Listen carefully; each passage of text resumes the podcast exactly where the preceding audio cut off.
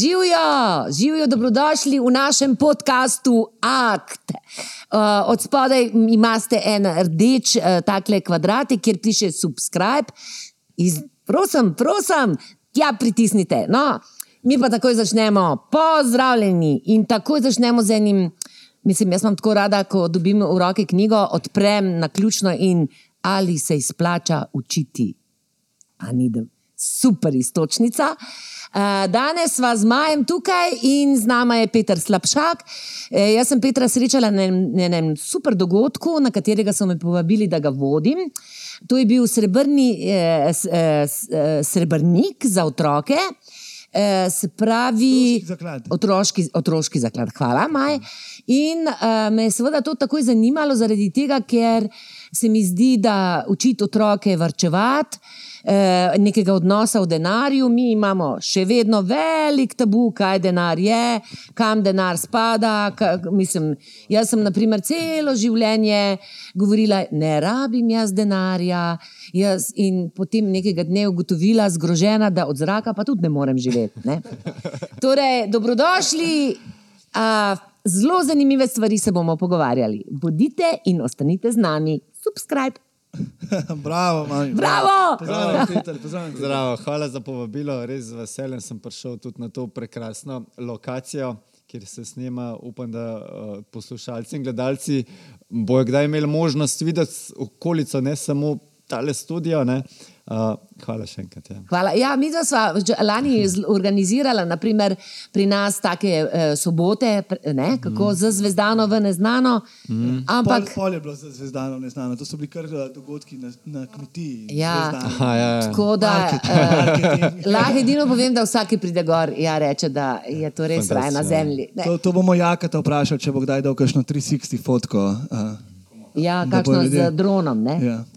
Tako da, ja, ta misel učenje, ne, naučite se znanje, se strinjam popolnoma. Po mojem mnenju je to v tem trenutku najboljša investicija, ki ti noben ne more vzeti, ne. pa ja. samo raste, ne pada. Ne. Ja. Tako da, pa brez davke, pa vedno jo lahko uporabiš. Tako ja. da znanje je. Uh, ta prava stvar. In v bistvu to je tudi istočnica današnjega pogovora. Znanje. Čim več znamo, več imamo informacij, ja. lažje se v življenju obračamo oziroma sledimo svojim lastnim ciljem. Jaz bi sam še nekaj rad povedal, ja, katero kamero imam. Jaz bi rad sam še povedal, da se danes zahvaljujemo Janu, kot vidite, imamo uh, nove mikrofone. Uh, Jan, yes! Danes nam jih je zrihtel Jan, upam, da bomo sodelovali še v prihodnje.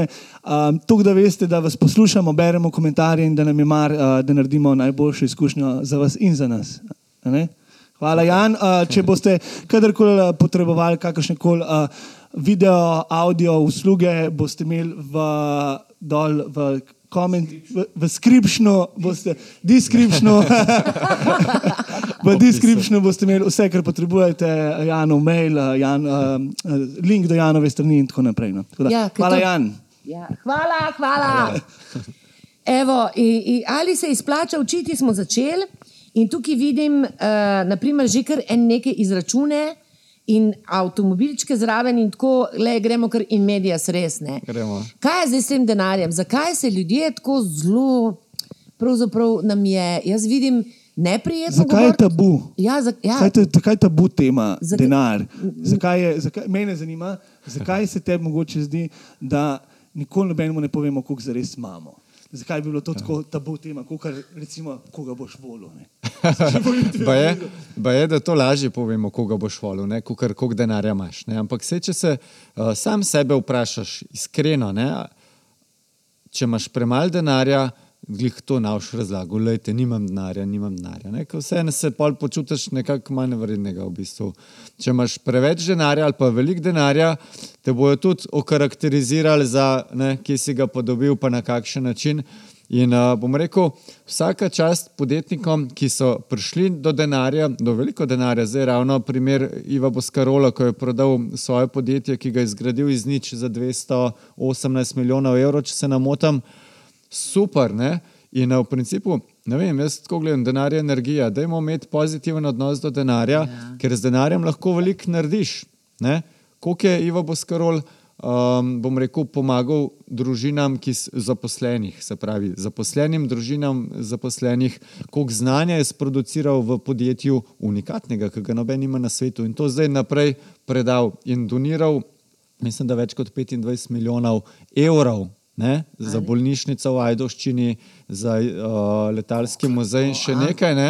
Se pravi, fantastično. A bi jo bo skrol to lahko naredil, če ne bi imel denarja? Ne? In ja. zato v bistvu uh, pogovarjati se o denarju, to je naša misija. Čeprav delujemo bolj na področju zlata pa srebra, uh, mogoče ni to ta denar, ki ga imamo mi v glavu, ampak spet, če gledamo v zgodovino, prvi denar je bil ravno srebro. Se pravi, argentum pomeni po latinsko denar, potem je šele prišlo zlato, tudi ta prvi je bil srebrni standard, pa je bil zlat standard. Tako da v bistvu pogovarjati se o denarju za mojega vidika je nekaj dobrega. Ni treba, da se pogovarjamo, koliko imaš zdaj ti denarja, ne? po kako plačo imaš, ne? pa zakaj nimaš tako. Ne? Ampak pogovarjamo se o tem na ta način, da pridobivamo znanje o denarju, ne? o naložbah. Danes je tudi tako, da se nikoli do zdaj ni bilo toliko možnosti, kam da denar. Ne? Ampak to pomeni tudi, kako zgubiti denar, ni bilo nikoli toliko ja. možnosti. Ja, Tako ja. da znanje je v bistvu pomembno na tem področju, vedno bolj, ne? ker pač žal živimo v družbi, kjer rabimo denar. In denar, vsaj za moje pojme, pomeni sredstvo, ki ti lahko omogoči veliko lepega. Ne? In da imamo na ta način gledati. Ne samo sam tebi. Mislim, da ja, ja, ja, nam omogoča vsem, seveda. Ja. In naše znanje, ki ga imamo o denarju, o financah, o zlatu, srebru, želimo naprej vsem povedati, v bistvu, ne? ker se stvar ni tako težka. Ne? Samo mi jo znamo zakomplicirati. In recimo naša prednost je, da znamo povedati mogoče malo bolj kompleksne stvari ali pa nezanimive za nekoga na tak normalen kmečki način. Ne? In bolj je preprost, boljše je prav. Ja, ja, ja, ja. In to vedno podarjam. Ja, zaradi tega, ker mi se bojimo, naprimer, uh, ne bojimo. Mislim, na kak imaš respekt številke, pa preračunavanja. Uh, jaz, na primer, čim, čim uh, cel življenje je bilo tako, da bi naložba, ne, to pa nekaj, ja, kar jaz ne obvladam. Ne, uh, že pri kreditu sem, uh, naprimer, uh, je vzeti kredit, kdaj vzeti kredit, kako vzeti kredit, kaj, je to naložba ali ni. To se pravi, kakšna razlika je. Mi pa vsi več ali manj živimo v družbi kreditov, uh, Uh, se pravi, iz meseca v mesec, uh, in na koncu, koncu bomo takoj, takoj na koncu tega, te verige, pa trčimo, kaj bom zdaj jaz kupoval zlatnike, pa srebrnike, mislim, če nimam niti za živeti. Mm. Ja, v bistvu se dosta tako brezizhodna situacija pokazala. Ja, tako, dejstvo, naprimer, je, ja. dejstvo je, da ni čistko. No, lahko rečem uh, pozitivno v Sloveniji. Uh, smo v principu še zelo malo zadolženi kot prebivalstvo. Govorim, in v glavnem, kar smo zadolženi, je zelo veliko tako imenovanih hipotekarnih kreditov oziroma krediti za nakup nepremičnin. Uh -huh. uh, potrošniških posojil uh, je v bistvu bistveno manj, govorim, glede na ostale države. Tako da smo Slovenci zelo varčen narod. Super, in, to je dobra informacija. Tudi zdaj, v času kar... korona, Jaka, tudi v času korona krize smo v bistvu vrčev, stopnjo vrčevanja še povečali. In, uh, mislim, da prej smo bili med top 3, top 4 uh, varčnimi narodi, ne? zdaj, po mojem, smo še zmeraj ostali. Tako da uh, premoženje na bankah se nam povečuje, premoženje druge se nam tudi povečuje v nepremičninah. Smo v bistvu eni izmed redkih ali pa uh, ki imamo največ lesniških stanovanj. Ja. Tako da v principu mi smo bogat narod. Pa principu, velikih, pa velikih hiš In, imamo veliko. Ja, seveda pa spet, kjer zgodbe se pa slišijo. Ne? Ja. Ja, ne? Sem tako v kreditu, da ne vem, kaj lahko še naredim, ne morem niti za hrano. Uh, absolutno obstajajo tudi te zgodbe in te mi bolj slišimo kot une druge. Ne? Ampak generalno. Pravi, človek v bistvu bolj sliši, prej sliši negativno zgodbo, kot pozitivno. Logično. Ja. Vse je logično, v bistvu. No. Ja, Damo kar highlight na to. Ja. Ja. Eh, jaz imam en kup vprašanj, Peter. Jaz sem rekel, da se držuje pismo. To je, namreč, to je res dobra istočnica. Tu smo takoj razbili en tabu, češ da sam zapravljamo. Ne? Mislim, da smo... Statistično gledano smo med top par evropskimi narodi po stopni vrčevanja.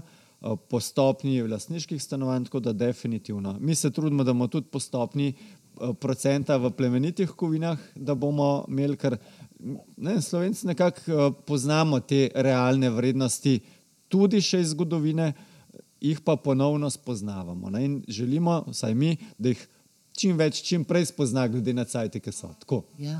Če časi Ja. so pa. No, Časi so, časi so. Ja, taki. ne, veš, je. Jaz izhajam, jaz zdaj, zdaj poli sebe izhajam, ampak jaz sem jaz zdaj dve, dve stvari predstavljam. Prva kot prva je, jaz sem od, izrašč, odraščal v času Slovenije, ki se je začela Slovenija in je bilo res obilje. Jaz, jaz nisem v življenju razmišljal o, o, o plačevanju položnic, o kakršnem koli vrčevanju, ker je bil to en tak balonček, ker pa. Slabo, ne? ker so takrat tudi vsi, cela Slovenija, se mi zdi, da, mislim, kar sem jaz videl, ni noben se sekiral, noben ni imel veliko, pol je prišlo, seveda, obilje od 2000 do 2017-2018 ja. in sploh nisem. Jaz nisem nikoli pomislil, jaz sem finance šele zdaj začel urejati, pa sem star 32 let. Ne? Ja. Mi je Se težko to povedati, so ampak je resnica. taka leta, a veš, da začneš se malo bolj uh, o tem ukvarjati. Prej niti ne. No. No, druga stvar je pa ta, da imam pa hčerko, ki je stara 10 let in jo pa, mogoče zaradi tega, ker jaz ne, jo pa lih začenjam učiti o financah. Ne.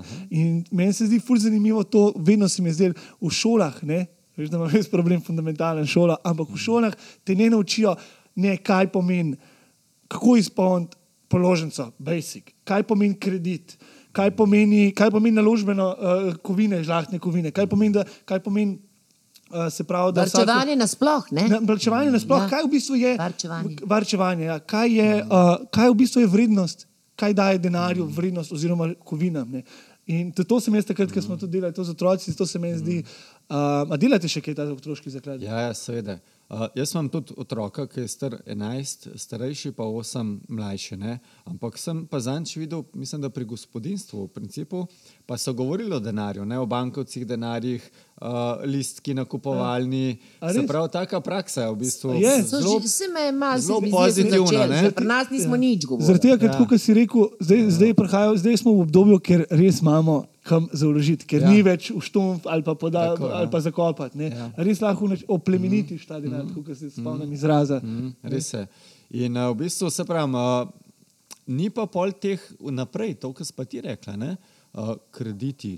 Uh, ka, kako ne prevrčujem, zakaj ne namenjam denar? Tako ta strateška v bistvu razmišljanja. Ne?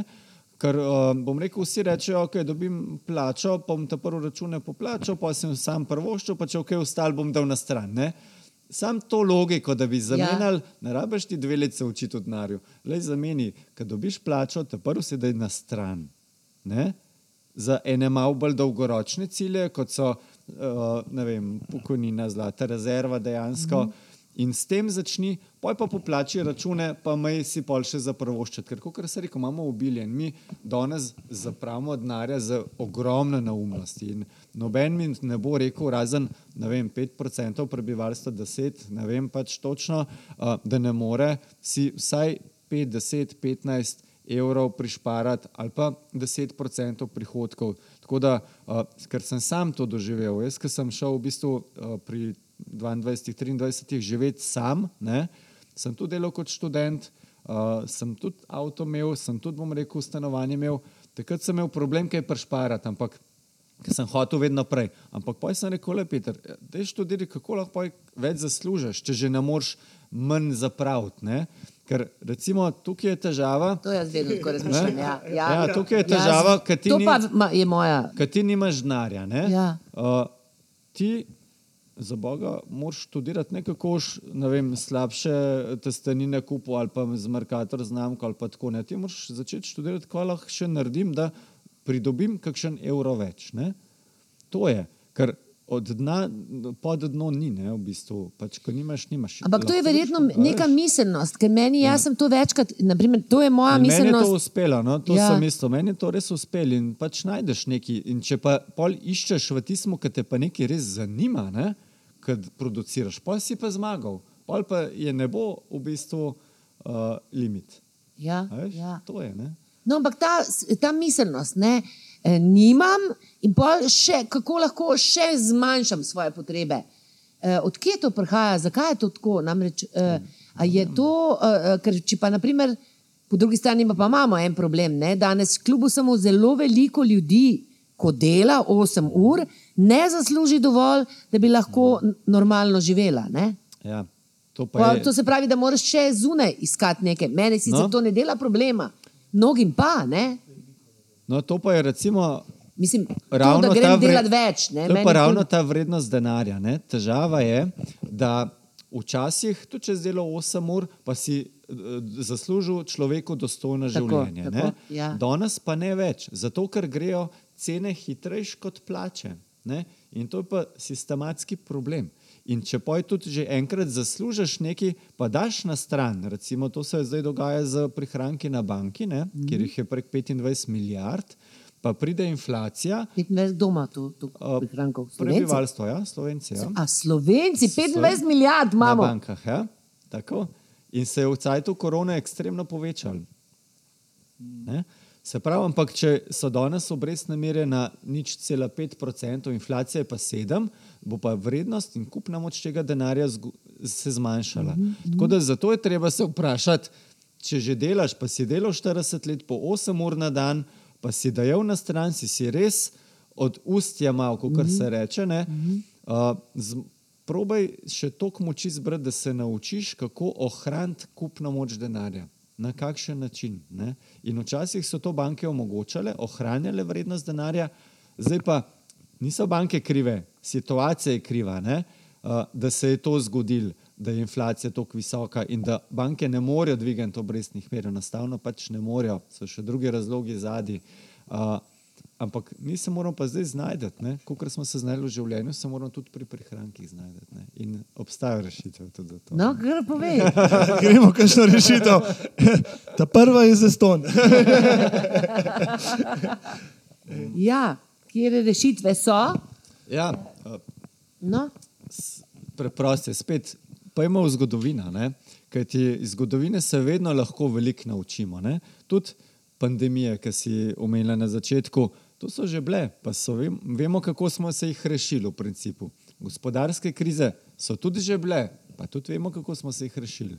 Inflacija, kot je zdaj, je tudi bila, pa tudi vemo v Jugoslaviji, kaj se je zgodilo iz nje. Ne? Se Ja. pravi, v bistvu, poglejmo nazaj, kaj je bilo. Pa spet ni treba biti strokovnjak, finančnik. Ne? Uporab, ne vem, kaj so ti starši prepovedovali, pa kaj si se sam doživel. ne. Ja. In, uh, če gledam, jaz se vedno deformirano povezujem z zlatom in srebrom. Se vedno vprašam, kako je bilo to v tem cajtu. Ne? Ja, v cajtu gospodarskih kriz, inflacije je zlato pa srebro vedno ohranilo kupno moč. Je ohranil vrednost prešparanega denarja. zato se tudi naprimer, veš? vrednost teh rezerv ne, vedno v, so v zlatu shranjene. Ne? Ja, vprašajte se, zakaj imajo Nemci zlate rezerve, oni imajo druge največje. Ne? A, zakaj imajo Amerikanci druge, Kdo ima- naj, prve kdo ima- največje? Američani? Ne? Američani imajo Ampak, ampak sorry, te prekinem, ampak ni tako, kaj tam Fort Lauderdale? kje? Fort Knox. Fort Knox. Ja. A ni tako, da je to vse prazno?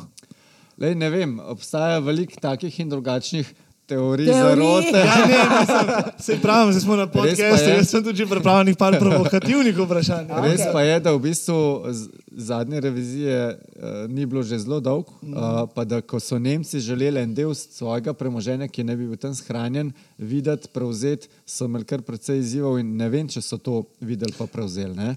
Uh, ampak mogoče samo, da se še navežem na zlate rezerve.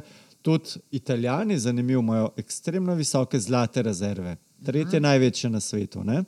Pol se pa zdaj zelo hitro povečujejo rezerve Rusije in pa Kitajske. In uh, ponavadi tako pravijo, kamor gre zlato, gre bogatstvo. Ne? In se pravi, če tako gledamo spet na nas, na vsakega posameznika, se pravi, če želimo ohraniti bogatstvo, premoženje, ja, logičen kupimo zlato, ampak ne verišče. Ja, Ne?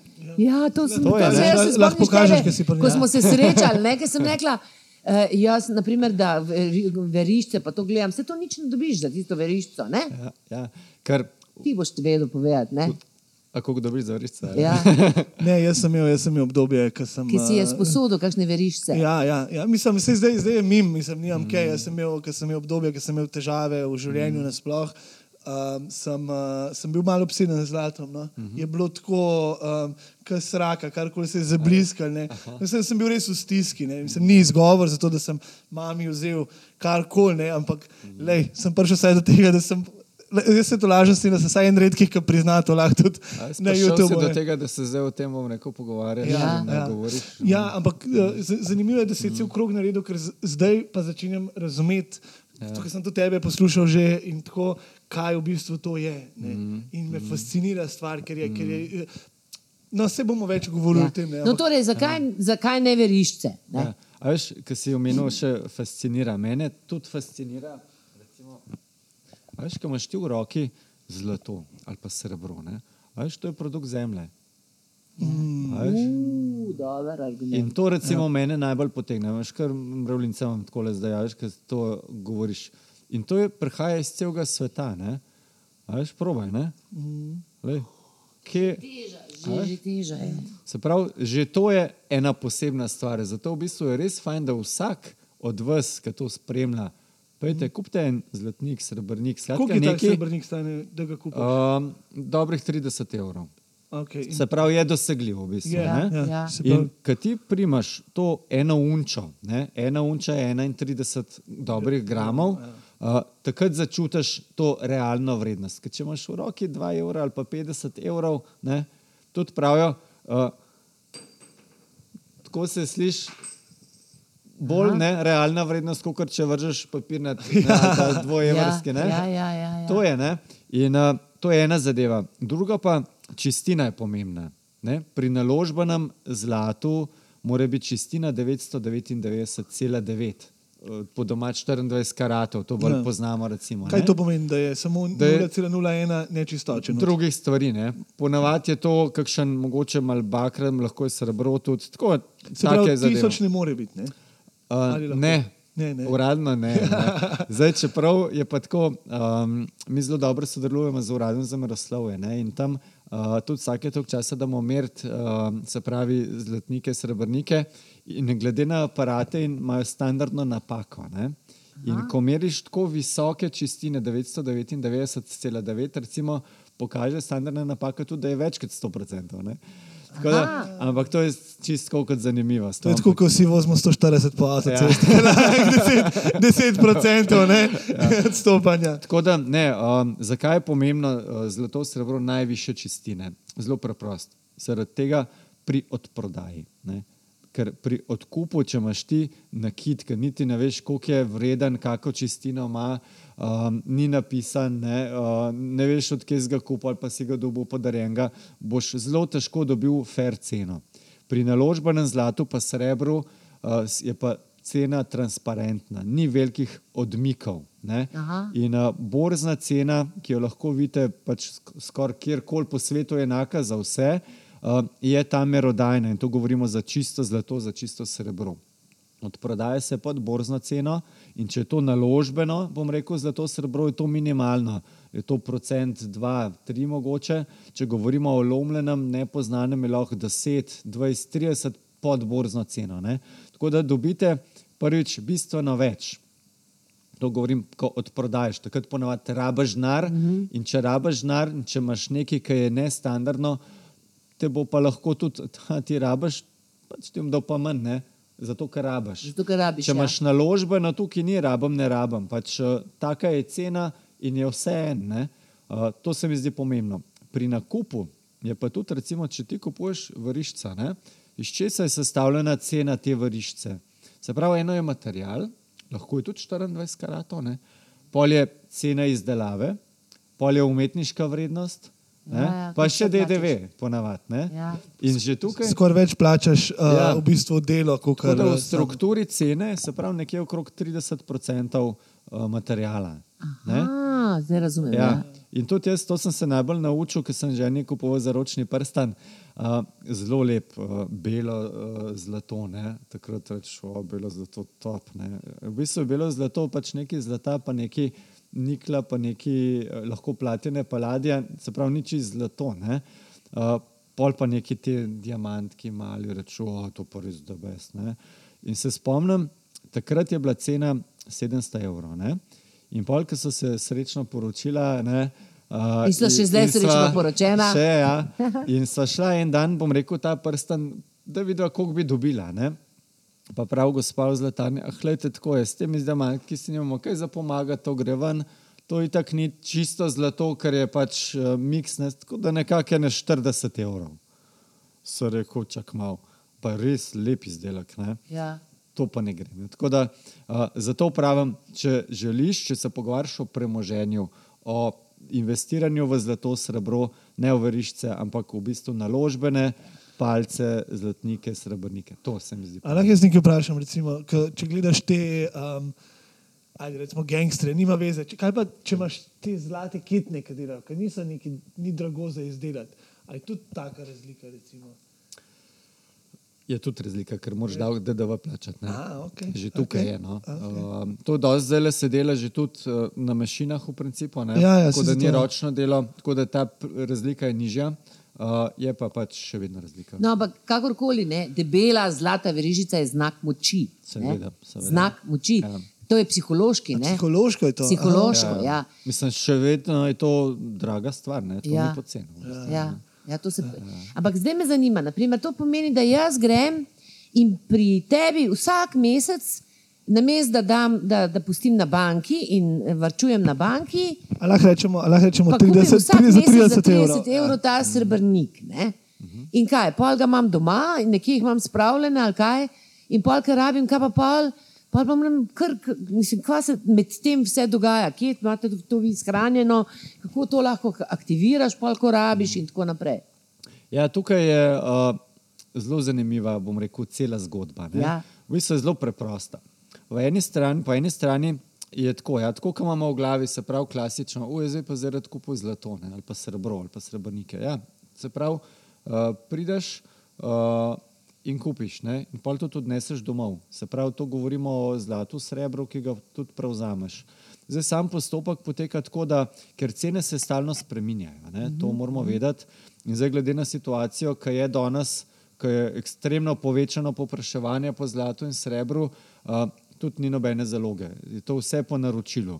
Se pravi, ko se ti recimo bi odločila pa za znesek, kakršen koli že je, bi želela kupiti zlato in srebro, se najprej mora fiksirati cena tega zlata in srebra. Mi to ceno fiksiramo tudi s kovnico, s proizvajalcem zlatih palic. Ne? In uh, plačati se mora tudi takoj, ker mi potem tudi plačamo kovnici. Ne? Takoj. In ko kovnica to naredi, uh, se zadeva v bistvu pripelje in se izda račun in dobavnico, in stranka se pravi skupaj z zlatimi palcami to prevzame. Ne? Se pravi, dejansko gre za fizični prevzem blaga. Ne? Ja, ampak če nimaš denarja za palico ali pa naprimer za tole, tole Ja. ja. moramo pokazati, da je pokažemo. Tole. Ja, dajte tukaj, je to prvi življenju, da držim v roki. To je srebrna. Kaj Palica, težka 5 kg. Ja. Tako Ja, je okrog je ej. obrneš. Se mi zdi Tako, kar ja. bolj intimidating, mami, zdaj le s tem. Glih- jaz bom pa to pokazal. okrog vratu ne bi mogel vedno. Ne, ne.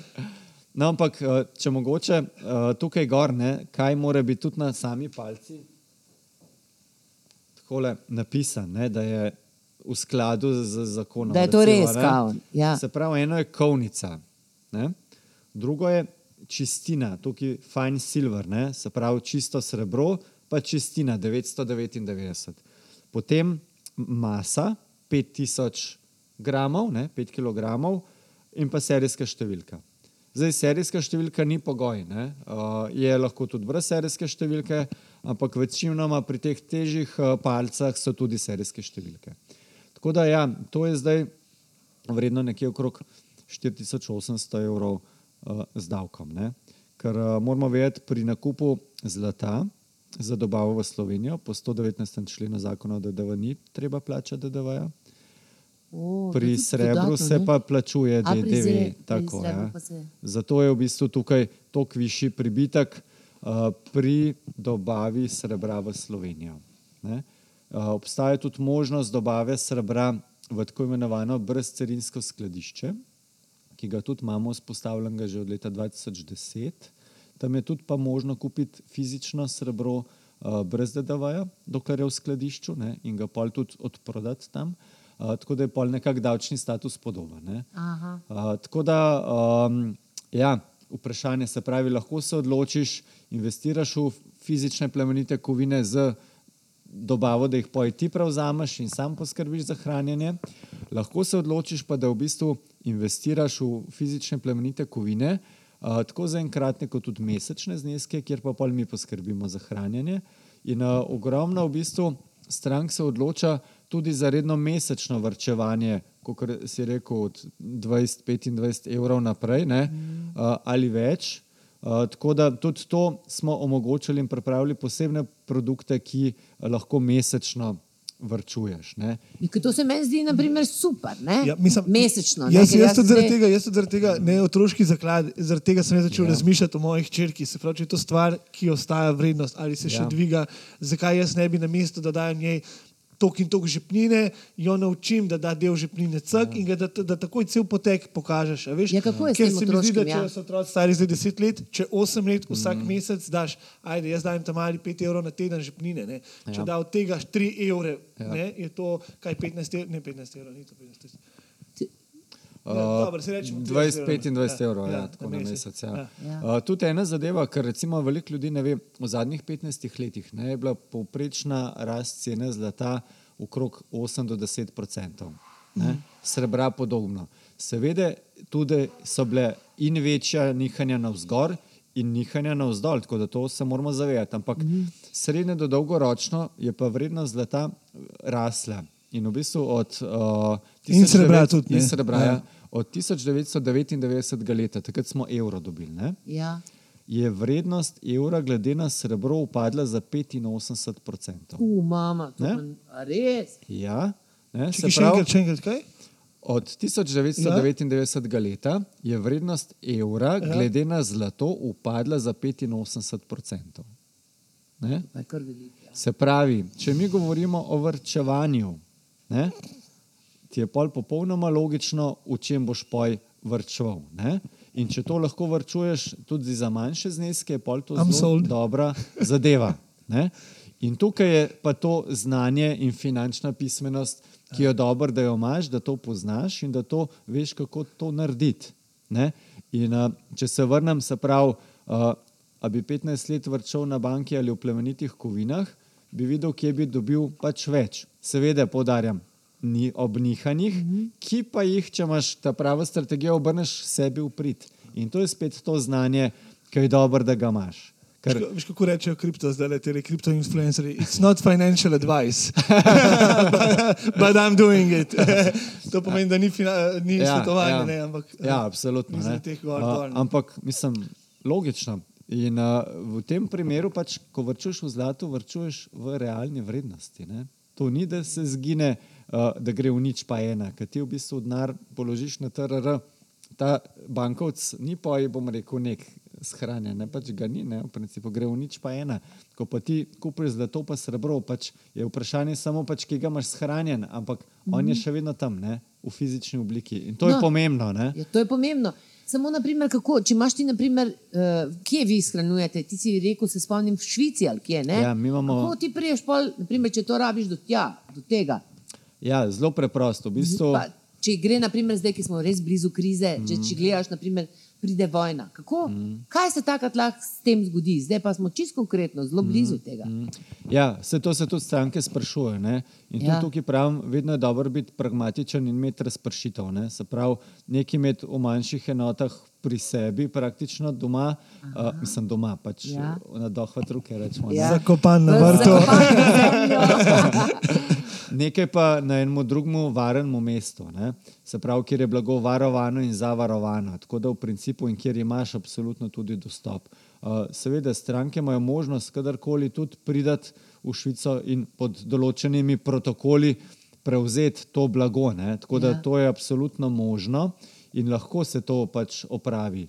Tako da, um, ja, zdaj pa je vprašanje, joj, kaj pa če se meje zaprejo, recimo, mm -hmm. zdaj zelo tako pogosto vprašanje. Ja, ja. Super, ja. Vredno, um, zato smo zbrali Švico, ker v bistvu v Švici so tri največje kovnice uh, zlata na svetu. Ne? Se pravi, in znotraj Švice, če ti poj odprodaš, lahko še vedno poj prideš do denarja. Uh, te kovnice v bistvu so nekje na 40 kvadratnih kilometrih, tako da je v bistvu to res ena taka posebna regija. Tako da uh, lahko odprodaš, tudi če samo je zaprte. Plačilni promet ni bil zaprt. Ne? Oziroma, zdaj, kot vidimo, je lahko zaprt tudi plačilni promet, če nekdo više uh, določeno banko iz svih sistema izuzame in imaš pol problem tudi z nakazili. Recimo, uh, pol je vprašanje, uh, kaj pa če pade internet. Ne? Ja, naši oblaki. Tudi ja. zato je dobro, da imamo nekaj v fizični obliki, ne? nekaj bliže sebi, nekaj druge. Tako da, ja, če pade internet, tudi zato imamo določene protokole, da lahko stranka tudi pride do tega. Ne, ne na zadnje, tudi če se uh, podjetju kaj zgodi, ne, so tu določeni protokoli in zaradi tega je treba kupovati zlato, srebro, uh, kovnic, tako imenovani good delivery kovnic ki je vedno likvidna, ne? se pravi, da niste vezani samo na enega ponudnika, da se to odproda. Da če bom rekel, nas podjetje elementom ne bi bilo, da pa, pa zdaj ne bi mogli odprodati. Seveda, vi lahko kjerkoli to odprodate. Če imate, pomembno, ja. če imate naložbeno zlato, uh, good delivery kovnice. Ali za nekaj vprašam, komu se pa proda to? Recimo, pa? Uh, direktno nam podjetju elementov. Okay. Ja. Uh, se pravi, vse, kar mi prodamo strankam, uh, vedno tudi odkupimo nazaj. In niste vezani, da morate zdaj čakati pet let, deset let, da je še en produkt narejen na pet let, pa da ne moreš pred odnarja. V bistvu prednost zlata, prednost srebra naložbenega je, da je vedno likviden. Ne? Vedno je od, se ga da odprodati. Ne? In tudi, recimo, da vse jih vprašajo, kako pa zdaj, če bo kriza, ali ja. boste vi to odkupali. Ampak poglejmo zdaj, krizo v Ukrajini, kot primer. Ja. Se pravi, tam so ukinili uh, ruble, se pravi, ruske ruble, pa beloruske ruble.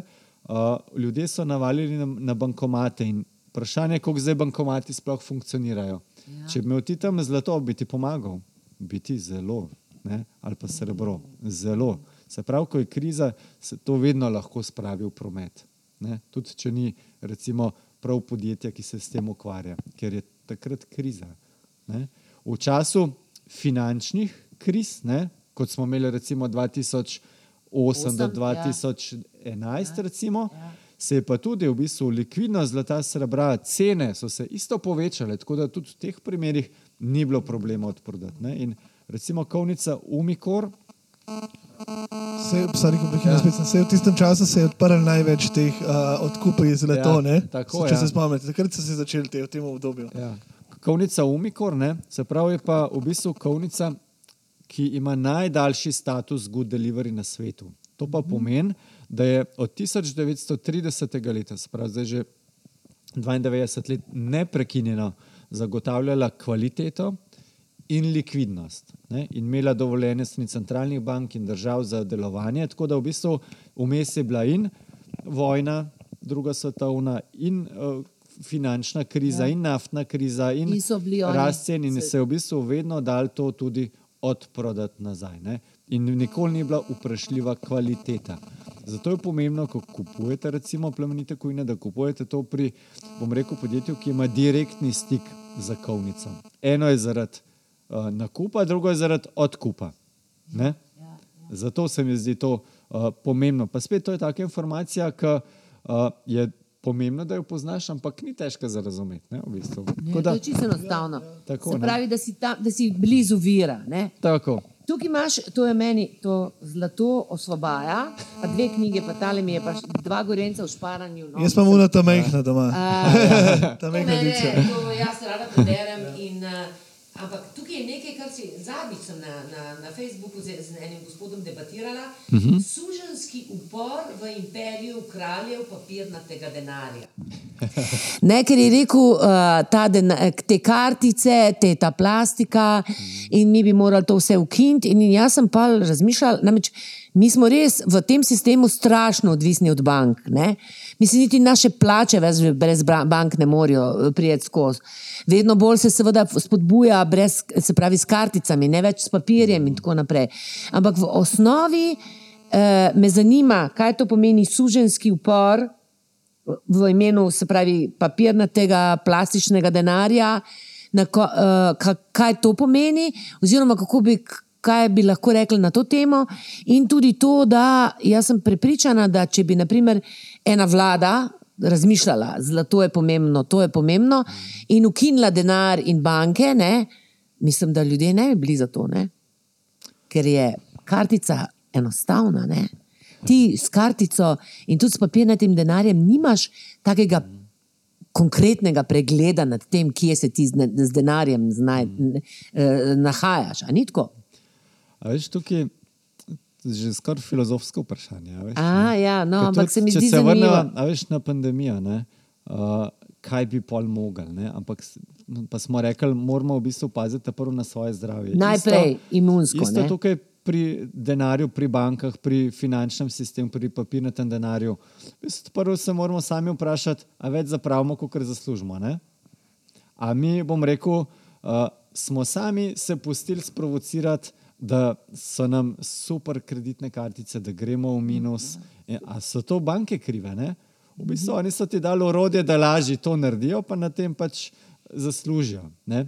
To je načeloma leg legitimno, ker smo v takem sistemu, kot so. Niso oni nič krivi, upravljali svoj posel in ga pravijo čim boljše upravljati. Ne? Se pravi, smo mi tisti, ki moramo reči, ne, lej, jaz ne rabim imeti pet oblek uh, na mesec različnih, da jih kupam na novo. Ne rabim imeti 20 različnih jogurtov, 27, uh, bom rekel, šalčk doma, uh, tri vrste kompletov kozarcev za belo vino in tako naprej. Ne rabiš, ne? Ja, ne rabiš In- šest različnih kartic. Da, eh, tukaj, ne? ja, uh, Super odgovor, to moram prav ampak- highlight narediti. Kdo je odgovoren? Oni so nam dali. Ampak to te stane, ne, v principu. Ja, Ja, ja. Vse to te stane. In uh, zadolžitev, če si zadolžen, imaš pa dva izziva. Ne. Eno je, da boš plačal više negativne obrestne mere, če si uran kopust, uh, v minusu, ne, ali pa obresti za kredit, pa če Ja, nekaj ja, ja, plačal. je. Ne. Ja. Drugič pa uh, lažje te bojo upravljali. Ne. S tabo upravljali, ja. Tebi povedali, kako se, Se moraš obnašati. ne? Če ne plačaš dva obroka, v izgubo nepremičnina. Ne. A veš, to je problem. Ne. Stres. Stres. To ti lahko poveš, ti si Eksistenčni stresu že en stres, ne. let, pa pol. Ne? Mislim, ne, ti ne, si se jaz odločil jaz sem- vse kako Jaz sem, jaz sem, jaz, kot sem rekel, ne, jaz sem bil Mhm. finančno zelo nestabilen. A, pa ne morem reči, da sem slabo služil, ker sem skozi delo velik. Mhm. Jaz, sem, jaz sem pa prvo 18 šel doma in sem v bistvu živel na svojem. In, ampak nisem, nisem imel, pa, sem pa več zapravil, kot sem Ja. zaslužil. In dolgo časa sem imel ta problem, in pa so se kakšne kazni, seveda, ko dobiš avto, Ja. pa tako naprej nabrane. In jaz, jaz sem preprosto odmislil to, Peter. Jaz sem Ignor, tam- ne? Jaz sem tam nedobo ja. položnico, jaz sem jo sam neodprto strgal in vrgel v smeti. In to za me ni obstajalo. Ne? In uh, je pa zdaj, ni sme, mislim, smešen je zdaj. Res ker- je to, jaz sem Ja. to videla. Jaz je smešno jaz sem samo rekla, en dan bo, ne mo, temu ne boš ušel, ja, ne moreš. Ne vem, kako je to zdaj splo, kako je to splošno, kako se to pri ljudeh dogaja. Ne? Ampak uh, pa tudi mame je, mame je težko zdaj to govoriti. No, spet, pa ne, klej, da- če rečeš, uh, če bi imel denar, Ja. ne, ne Ja. ja. bi imel teh problemov. A veš, vedel si, No, tudi, ker si potisnil, si vedel, da to ni dobro. ne. To si vedel, ja. Ja. ampak nisi vedel, kaj narediti. Ne. Ja, ampak ni nujno, kaj pa, kaj pa veš, lih to so se pogovarjali, ker meni se zdi, ni, ni um, koliko imaš denarja, ampak kaj narediš s tem denarjem. Ja. Ja. Ker jaz, če bi, la- a veš, zelo možno je, da jaz bi lahko imel več denarja, Ker- ampak bi ga še zmeraj več zapravil. Ja. Ne, No, to a je pa veš, to pri sebi, kar ne, rekel, se ja. začne zgodba in konča v bistvu. Ampak kaj je najhujše? Eno je ja, posameznik, drugo so pa poj države. Ne? Ker gledamo, ker, da se poj navežem mm. na tale naslov oziroma razlago uh, podnaslova, ne, ki je zelo provokativen. Ja. Dejstvo je, da skoraj vse države so zadolžene. Se pravi, kot mi posamezniki več zapravimo, pa uporabljamo kreditne kartice, tudi države živijo na kredit, ne? na infuzijo, po domače čen. In te infuzije enkrat zmanjka, in ker te infuzije enkrat zmanjka, je bankrot. In to je ne bankrot države, bankrot prebivalcev, pa je v principu. Ne? Ker kaj se zgodi v cajtu bankrota? Ja, ni plač v državni upravi, ne? ni socialnih pravic, eh, storitve bolnic se poslabšajo, ne? ker nimaš ti s čim vzeti. In to je to, kar se moramo pripraviti. In recimo v Jugoslaviji, ne? Jugoslavija je doživela bankrot. In kako je do bankrota, eh, bom rekel, funkcionirala? Ja, printala je denar. In kaj se je zgodilo? Ja, vrednost denarja je upadala. Kako se je to videlo? Ja, da, so bili, da je bilo vedno več številk na bankovcih. Ne? In smo leta 89 prišli ali 87 na bankovc z milijon dinarjev. Ne? Ja, to bili milijonarji, skozi. ne? A veš? Jaz imam stripe za 80 tisoč Ja, dinarjev. ne? Strip. Ali se je to srečno končalo? Ja, ni, ne. Bankrot je bil v bistvu. Ja. Ali se je kjerkoli inflacija srečno končala? dajte mi povedati, ja, jaz se ne spomnim. Ne? In danes smo v času više inflacije. Kako se bo končala? Se bo srečno končala, če so vse države na polno zadolžene, vse printajo denar, Ja, zdaj povečujejo uh, obramne proračune. Ne? Denar iz kje prihaja, iz kakšna realna vrednost, ki se kreira denar? Ja, ne, v bistvu, ne. to je v bistvu elektronski denar, že digitalni, Ja, ja. ja. karkoli vzamemo. Vse že danes imamo digitalni denar. Realnega denarja, da bi bil v sistemu, ni. Edini realni denar je zlato in srebro. In če bomo gledali uh, to, se moramo vprašati, ali mi lahko spremenimo sebe, tako kot si ti sebe spremenil. ne? Ja, saj to, jaz, veš? To da je povem, da- bistvo, Da povem samo to do konca, da bistvo, povem. Ne. ja. Jaz, sem, jaz sem pa potem totalno obrnil zgodbo, mm. totalno obrnil zgodbo in zdaj vsak evro, ki si, mm. ti si rekel, da ga na stran, ampak jaz zdaj vsak evro prvo, ki dam, ki ga dobim, vse, kar je viš, ki dam, zato da nazaj. Ker Ja. jaz, meni je to potem dolgoročno zavrl. Ker, a veš, in jaz imam, dost, jaz imam par prijateljev takih, ki so prišli, ne vem, enemu se je kolegu zgodila situacija, mm. zbal nekoga s kolesom, mora 30 tisoč evrov plačati. On nima šanse, da bo 30 tisoč evrov potegnil iz kjerkoli. Ampak on, recimo, on, on, on se je odločil, ne bo šel v stečaj, ampak bo za minimalce delal. In se pravi, s tem si človeku ubil. Uh, uh, možnost, da bi, da bi bil kreativen, ker jaz v tem času nisem bil kreativen, nisem mogel nič drugega razmišljati, samo krč, nezno, neznosni seveda. krč, kako preživeti. ne.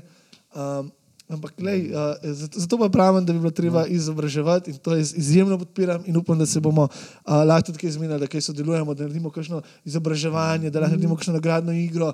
Uh, meni se zdi, da vse, ne glede na to, kaj si rekel, se mi zdi, da ve, veliko ljudi v Sloveniji živi na pragu. Če ne pod pragom, ravno zaradi tega, ker smo rekli: Vedno bolj, vedno ve- več, ja. ne glede na Saj, to, koliko čim je imamo, ene preveč, ne, a veš. Ja, ja tako bravo, je, ne, super, feno, evo, jaka, piši.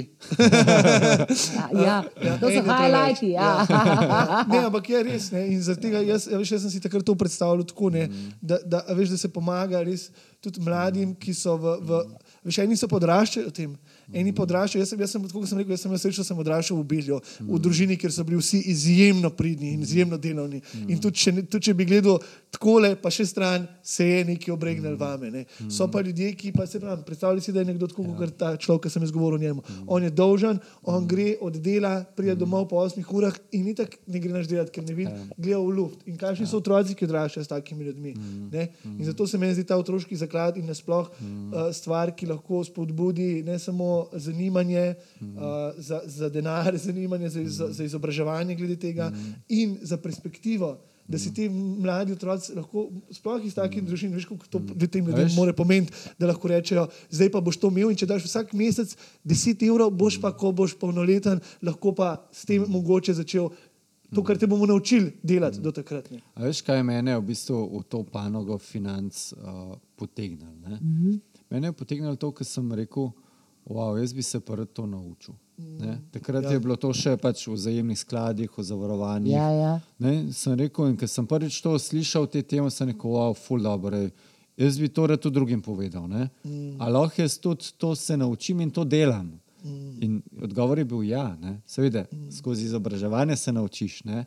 In uh, mene je to poj potegnilo. Zato uh, ta s- dejavnost, kjer sem zdaj, je tudi posledica, ker smo hoteli v Sloveniji to ponuditi, naučiti, kako lahko. Ne. Hočeš reči, da, da, je tudi, da, je, da je edina stvar, ki je več vredna od zlata, je znanje. Ej, Res je. Ja.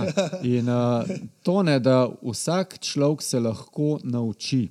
Ne? In tudi, recimo, če gledamo uh, specialistov na področju plemenitih kovin v Sloveniji, ki nimamo tradicije, jih je premalo ali pa nas je premalo. In nekdo, ki bi se hotel naučiti, pa tudi če je na socialnem dnu, mi mu lahko ponudimo to opcijo, mi ga lahko naučimo to, kar vem jaz, bo vedel tudi on.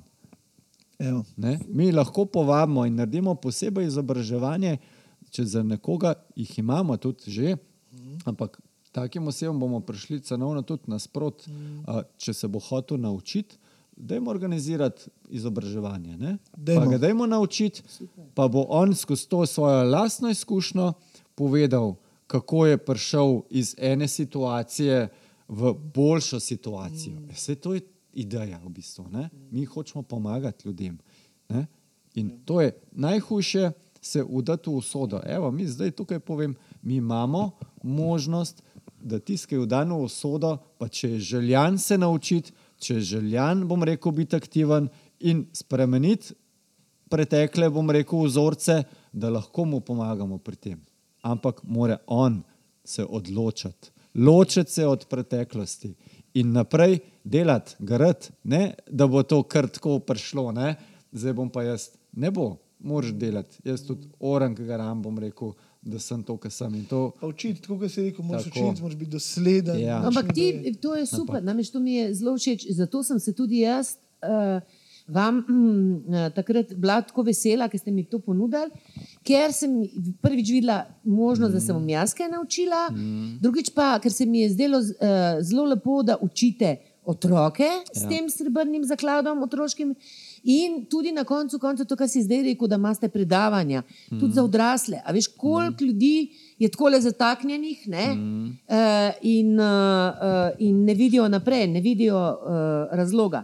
Ampak dajmo zdaj mm. samo, naprimer, začnimo pri, ravno pri otroškem zakladu. A si meni odgovoril že na ta vprašanja? Ja, ne, nisem. Čaj, najprej da, da, to, najprej ja. to, pa, pa otroški ja. zaklad. Ja. Uh, ja, dejstvo je, pravi, da države so se tudi znašle v, bistvu v tem primežu papirnatega denarja. Ne? Se pravi, one so dobile ta denar, konkretno Slovenija je dobila ta denar, zadolženi smo za 40 milijard. Ne? To pomeni vsak slovenc nekje za 20 tisoč evrov smo zapufani. Ne? Pa če štejemo uh, otroke, ki itak nimajo prihodkov, se pravi nekje okrog do 18 let in starejši, vsaj 30 tisoč evrov. Vsak. Se pravi, to pomeni, da smo toliko več zapravili, kot kar ustvarjali. Opa. Iz kje je bil ta denar skreiran? Iz nič. Ne? Se pravi, so nam ga uh, zdaj v tej krizi, so v bistvu glavni, ki posojajo denar, so centralne banke. Prej so bili tudi pokojninski skladi, pa investitorji, ki so vrčevali v veznicah in tako naprej. Se pravi, oni so skrirali ta denar iz nič. In zdaj kako? Enkrat je treba ta denar vrniti, razen če ne pride do kolapsa, inflacije in tako naprej. Ampak re, realno, kako vrnemo pa lahko ta denar? Ja, moramo pobrati več davkov, kot kar porabimo. Koliko držav to dela zadnjih deset let? Kar velik, ne? Skoraj noben ne pobere več davkov, kot kar ja, porabi. Ja, ja, ja, ja, ja. Imajo primaščaje. Iščejo rešitve v davkih, no to, to ja, sem jaz mislil.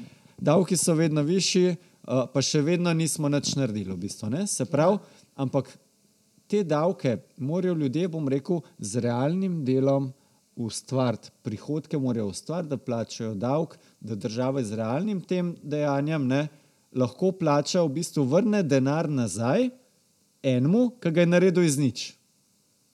Je to fair? Ja, jaz sem jih hotel reči hvala za to razlago. Ja.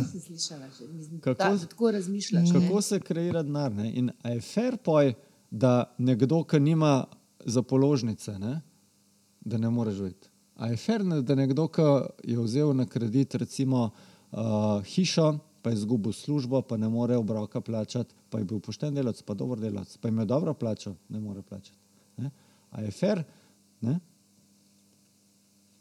In potem tišina je bila. Zato pravim, pač mi sistema jaz, Peter, za zdaj, mi ga ne moramo spremeniti. Ampak, ko pridemo do tega zavedanja, ne, gledaš na zlato, pa srebro v čist drugi perspektivi in luči. Zato znanje. Ne, in ker so tudi otroci naše največje bogatstvo, se zdaj dajmo na ta srebrnik. Ja, demo, demo, ja. Ja, uh, cela ta zgodba v bistvu. Le spet, veš, mi gre kar mravljice. Uh, priš... Jaz sem sam da ja. začneš govoriti. Jaz imam neskočno rada ljudi, ki svoje delo delajo res predano. In jaz mislim, da je to, to je pa zdaj moj prispevek danes v tem obilju znanja in bogatstva, ki ga delimo. Mislim, delati delat s srcem in, ja. in, in z, z dobesedno kot poslanstvo, to je največji užitek. Oziroma, to je ja, bogatstvo, isto kot znanje, zdaj pa ja. izvoli otroški zaklad. Ja, v bistvu um, s tem srebrnikom nekako želimo povezati vse generacije. Ne? Eno je, če začnemo pri otrocih, jih začeti učiti o smislu denarja, o denarju, o tudi trošenju denarja, vrčevanju denarja. In ko otrok prime, okay, ne ta uh, enoleten, dvoleten, ampak že recimo štiri, pet leten otrok, ki prime srebrnik v roko, veš, wow. Ja. Ne moreš verjeti. Prvič zato, ker se svet, ne? Ja. drugič, ker je malo težji, ne? Uh, pa ker je Pa, žvonkla. pa tako je, tako je, so, uh, pomisliš na zaklad, Ja, piratski. ja, ja, ja, gusari, ja, ja, skrinja. ja, ja, ja. Tako da v bistvu uh, zelo veliko uh, staršev uh, dejansko daje darila otrokom v srebru, v srebrnikih. Tudi recimo jaz, ki gre otrok v osnovni šoli zdaj uh, na rojstni dan, pač na mestu neke kekse, bombone, igračke, da mraž srebrnik. Ne? Ki stane koliko? 30. 20, mislim, 30 do 40 evrov. Ali pa evo. ta konkretno, no je Da. 5, 25 evrov. No, ne. 25 evrov. Se pravi, na mestu, da kupiš čokolado. Ali pa na mestu, da kupiš igračko, ki jih ja. imaš že tako 5000 doma, ja. ali pa ja. plastelin, ki se bo posušil. To je dobra ideja. To Ne? res dobra. Ker uh, potem pa v bistvu tako, lej, ti poj združiš otroka ja. pa starša. Ne? Se pravi, starš ima temo, ki si želi, eh, ti si želiš otroku ga naučiti o denarju. Tudi če ne veš, si želiš. Ne? A veš, Pa to je odgovornost. Jaz si zdaj predstavljam, Ja. ja. če bi moji hčerki nekdo dal srebrnik za rojstni dan, mm. bi jaz rekel, aha, zdaj pa Ja. ja. bravo, svetovno, svetovno. Pol pa druga zadeva, ne? uh, tudi babice pa detki. ne. Uh, sama lahko mogoče poveš tvoje izkušnje, ampak ko dobiš vnučka, ne? Lej, to je nekaj najlepšega. Ponavadi imaš takrat malo več cajta, uh, malo se ti življenje umiri, na drugačen način gledaš kot na otroka. ne. Pri otroku je vedno, da je to, da je to, pa zakaj spet nisi to, pa pa tretji prvonučko, pa prid ti. To pa razume, ne, to pa sine babi razume, ja. se pomaziti. Ne? In uh, tukaj pa tudi bom rekel, vsaj tako, ko vidim babice, uh, pa detki, se nekako tudi čutijo, da jim pomagati otrokom vzgojiti njihovega otroka. Ne? In isto velikrat tudi pretiravajo, prnesejo in kup enih igrač brezveznih, uh, skratka neumnosti. Uh, seveda, 50 evrčkov pod mizo. 50 evrov, to je super. Ne? Ja, to je super. Ja. No, ja, ne, ampak- ampak takoj vzamejo otroci, pa grejo. Ja, ampak tudi bom rekel, tukaj je super uh, podariti srebrnik ali pa grame zlate, super dobro, ne? Top. Se pravi, povežeš vse generacije. Ne? In to je lepo, to je dobro. No, pol pa ravno zaradi tega, ker srebrnik je en izmed produktov, ne, ki smo ga naredili za otroke. Uh, drug produkt je pa vrčevanje za otroka. Tako kot včasih, ko smo imeli zmajčke, ne, uh, pa m, bančne knjižice, ki smo pol otroci Ja, ja, šli polagati, starši pa so imeli več, če se to ful spomnim. Ne. Ja. Isto smo naredili otroški zaklad, možnost vrčevanja za otroke v srebru, da bomo pripravili še tudi v zlatu, kjer pa lahko in babice in detki vplačujejo za otrokovo prihodnost, in starši, in po ene na zadnje tudi krstne botre, tete in tako naprej. Skratka, da gradijo potem en zaklad, srebrni zaklad, zlat zaklad za otrokovo prihodnost. No, jaz A ni se to takoj dobro, prijavim, ne? Jaz se takoj prijavim. Am, in to je razlika, mm -hmm. ker jaz sem že za, za vnukinjo mm -hmm. šparala. A, to, to se pravi, da na mestu, da dam banki 25 evrov, dam Kupaš v- srebro. Kupam srebro. Tako. In se pravi, je Ja, to fizično konkretno. srebro, Fizično konkretno, ki pa ima še eno prednost, kadarkoli lahko tudi prodaš. Ne? Ker recimo, lahko se zgodi tekom uh, odraščanja otroka, ne? starš rabi denar. Vem, za inštrukcije, uh, pa je takoj to, ne vem, pet mesecev, pa je takoj tisoč evrov lahko. Ne? Pol ja. uh, izpit za avto, pa je takoj zdaj že 2000 evrov. Pa še ne? avto. pa avto, pa pol eh, šola neki, ali pa ne vem, izlet v tujino, da, skratka, da mu daš širino, ne? otrokom hočemo dati širino. In to stane. In ti, težko, da boš ti v takrat, ko boš to rabo, krmil, ne? Ali se boš spet šel na banko po kredit, pa plaču, ne? a boš pa rekel, nač, bom pa jaz že zdaj le od desetega leta, od rojstva in tako naprej, začel delati na tem. In to je, jaz sem tudi začel delati na tem, ker smo naredili te produkte, zdaj že pet let vrčujem za oba dva sinova po 50 evrov in se super nabira. Ne? Ali bi dajal na banko, bi imel manj, kot zdaj, kaj dajem v prvič, sem bolj miren fizično srebro, ne? Drugič nisem mi treba vezati, pa glede na to, kaj se zdaj dogaja, inflacija, nestabilnost, sem videl, da je to odlična odločitev. Ne? Preprosto, zelo preprosto je v bistvu. In ti, vi tudi, naprimer, eh, kot vem, zelo veliko delate na teh otroških eh, Ja. zakladih. To pomeni, da hodite tudi po šolah, ne? ali kako ali Ja. organiziraš. Ja. Eh, Naša misija je v pa to bistvu. otroci jemljejo? To me Ja. zanima. Naša misija je izobraževati v bistvu. Ne? In, uh, ugotovili smo, uh, kar nekaj smo naredili predavanj pri uh, učiteljih, se pravi v šoli z učitelji. Mm -hmm. Zato, ker tudi oni v bistvu nimajo znanja. In kaj sem pa spoznal, prav se to znanje, ki ga vi predavate, je res zlata vredno. ne? Ja, ja. Ampak, veste, nas je strah predavati v tem, ker mi nimamo znanja. Ja. Se pravi, uh, smo dobrodošli in pač vedno prilagodimo samo temo, ali je to prvi razred, ali je to deveti razred, ali je to srednja šola. Zdaj smo povabljeni v uh, četrti letnik uh, Kranjske gimnazije. Uh, tako da res zanimiva zgodba in glede na to, da je zlato srebro, ne, od eh, skrinjic do gusarjev do realnega denarja, ne, lahko zelo fajn navežeš na vse. Ne. No, evo, tole ste slišali, uh, Petra. Če boste, če boste želeli kdaj uh, kakšno izobraževanje, ja. uh, boste imeli Z v, v linku, uh, bomo imeli vse. Uh, meni se zdi pa, to sem že, ko smo se ta prvič spoznali, hotel narediti, ampak se mi zdi, da je zdaj čas, da, da lahko tudi pokažemo ljudem, našim gledalcem. Zdaj bomo imeli, po mojem, tudi Instagram stran počasi. Uh -huh. Pa da začnem, jaz, jaz bom začel za, definitivno dajati 25 evrov na mesec zraven za mojo tamalo in lahko tudi pogledamo za imo, stilo. -huh. I love you, baby. uh, bom začel Ja. ja. dajati in lahko pogledamo sproti. In ko se Kako- bomo naslednjič videli, lahko rečemo, da imamo, tle Ja, pa tako. uh, točen dokaz. No, tako Super, ja. super, z veseljem. A Še ena mogoče zanimivost, ki vidim, uh, za zdaj ne rada lista knjige, ampak ta knjiga, ki je tukaj uh, o srebru, ne, ima tudi ja. en tak zanimiv naslov Zarota srebra. Ne? Ja, sej uh, ni tako hudo, ki se sliši, ne, ampak kaj bi recimo hotel povedati od srebra? Ne? Večinoma ljudi pozna v glavnem zlato. Ne? In kar rečeš, joj, eh, zlato, rad bi v plemenite kovine vlagal, v glavnem to zlato, zlate palce, zlatniki. Ne? Glavna razlika med zlatom in srebrom ne, je ta, da se zlato kopiči. Ne, Ko ga ti iz zemlje pač skoplaš, gre v glavnem v zlate palce, zlatnike, pa nakit. Ne? Se pravi, neko fiksno zadevo. Samo 10 do 20 odstotkov gre v industrijo, ki se pol v razne kontakte, eh, bom rekel, ugradi. Ne? Srebro je pa čist obraten. Ne? To je pa v bistvu kovina, ki gre 80% vse v industrijo, v izdelke in samo 20% v srebrne palce in pa srebrnike. In v bistvu srebro je kovina oziroma surovina, ki ima takoj za nafto največ različnih vrst uporabe.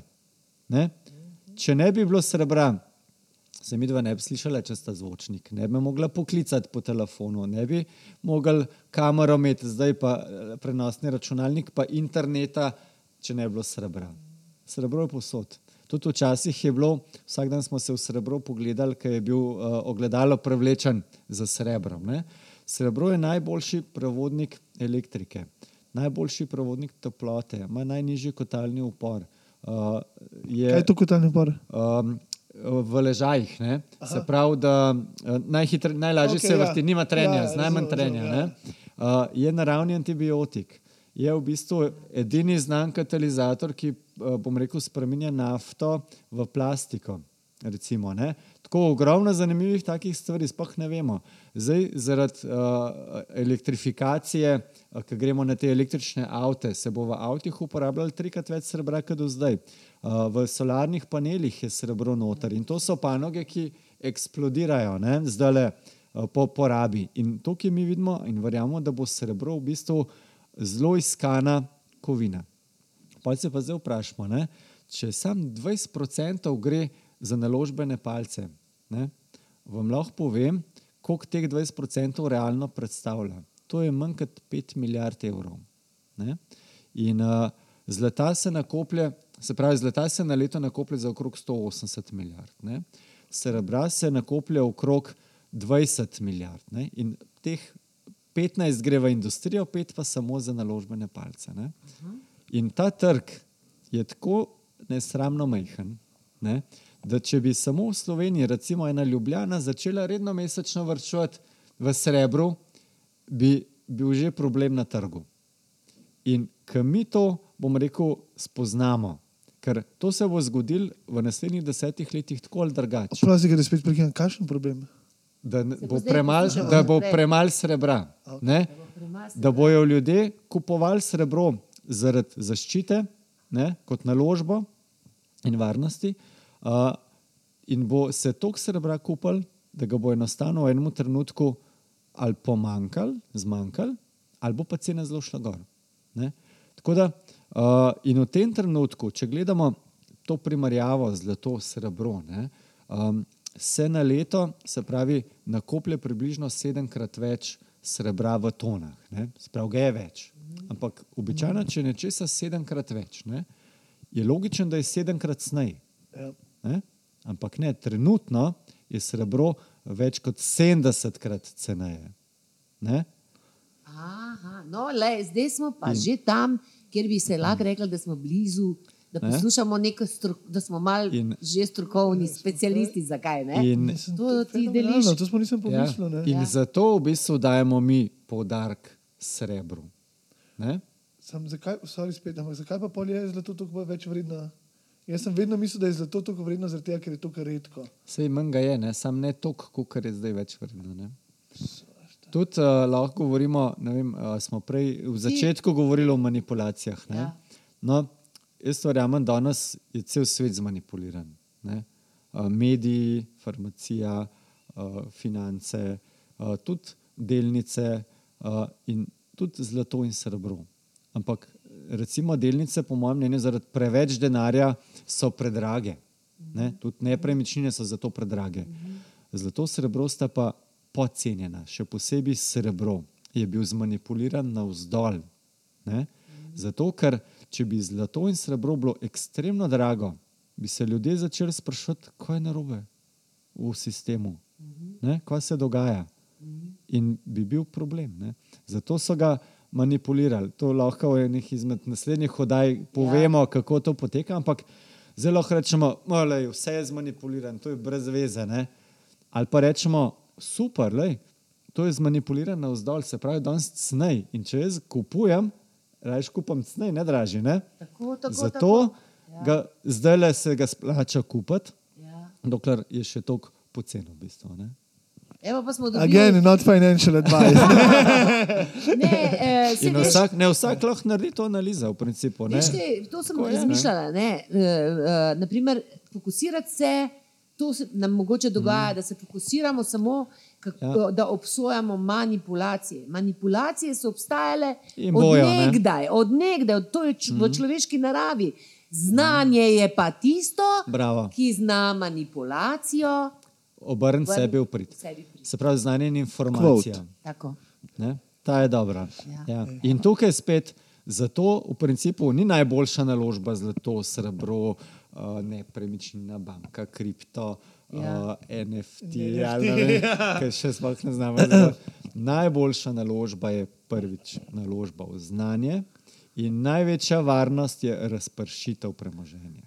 Evo. To je, in to je namen. In v bistvu, zakaj jaz govorim o zlatu srebrnu? Zato, ker sem pač na tem področju specialist in sem, bom rekel, padel noter ne? in me navdušuje že več kot 15 let. Ne?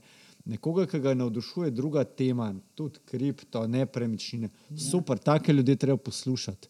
In se pa v bistvu po enem takem zelo preprostem vzorcu, ki že tudi več stoletij funkcionira, ne? si narišeš krok in to rečeš, da to je moje premoženje kako ga imam danes razporejenega. In si delaš nepremičnine, tak delaš, banka tak, zlato, ponavadi ni nič, ampak rečemo tak, kripto tak, um, obveznice tak, skladi tak, vrčevanje za penzijo tak. In pa rečeš, ok, lej, uh, včasih je bila ena zelo preprosta strategija, tri strana strategija. Ne? To so je drugače tudi starodavna ljudstva uporabljala. Najbolj znana je pa pač ta židovska tri strana strategija. Ne? Ena tretjina v nepremičnine, ena tretjina v banke, ena tretjina v plemenite kovine. In se pa vprašaš, kako imam jaz razporejen. Ne? In ugotoviš, da imaš 75% ali pa še več v nepremičnini, stalo v banki, v, glavnem, ne, pa mogoče nekaj malega v delnicah, skladih, vrčevanjih, ne, pa skoraj neč v zlatu. Ne. In to je v bistvu tvoj cilj, da to malo bolj, uh, bom rekel, enakovredno porazdeliš. In s tem boš povečal predvsem varnost tvojega premoženja in pa tudi donosnost, ne na zadnje. Ne. Kaj ti vemo, kaj slovenci zelo radi delamo, kaj nekaj slišijo, nekaj dobra naložba. O, super, še jaz bom denar zamudil, pa še kredit bom vzel, pa bom kedal, pol bo pa propadel. ne. Pol so pa vsi drugi krivi, ne, ne me sam. In to je škoda. In preprost pač, dajmo živeti na čim bolj uravnoteženo, smo se pogovarjali. Permakultura. Ja, se pravi. Zemlja, zemlja je. z- Lej, mi smo zadnjič imeli temo, veš, zemljo, ja. prst, Permakultura, zlato. Ja. to je vse zemlja, to- s tem si mene, najbolj, s tem si, s tem si mene takoj kupil. Ko si rekel, da je to naravno, to je iz zemlje. ne. Ja. Torej, uh, Zanj, Ej, fen, fenomenalen pogovor. Uh, meni se zdi, da imamo, da imamo dosti materijala še za naslednjič. Ja. Mislim, da imamo dosti stvari se za pogovoriti o tem, kako bi lahko, kako bi lahko sodelovali, kako bi lahko skupaj pomagali. Uh, če imate kakršne koli vprašanja, uh, napišite v komentarje. Če imate kakršne koli želje, napišite v komentarje.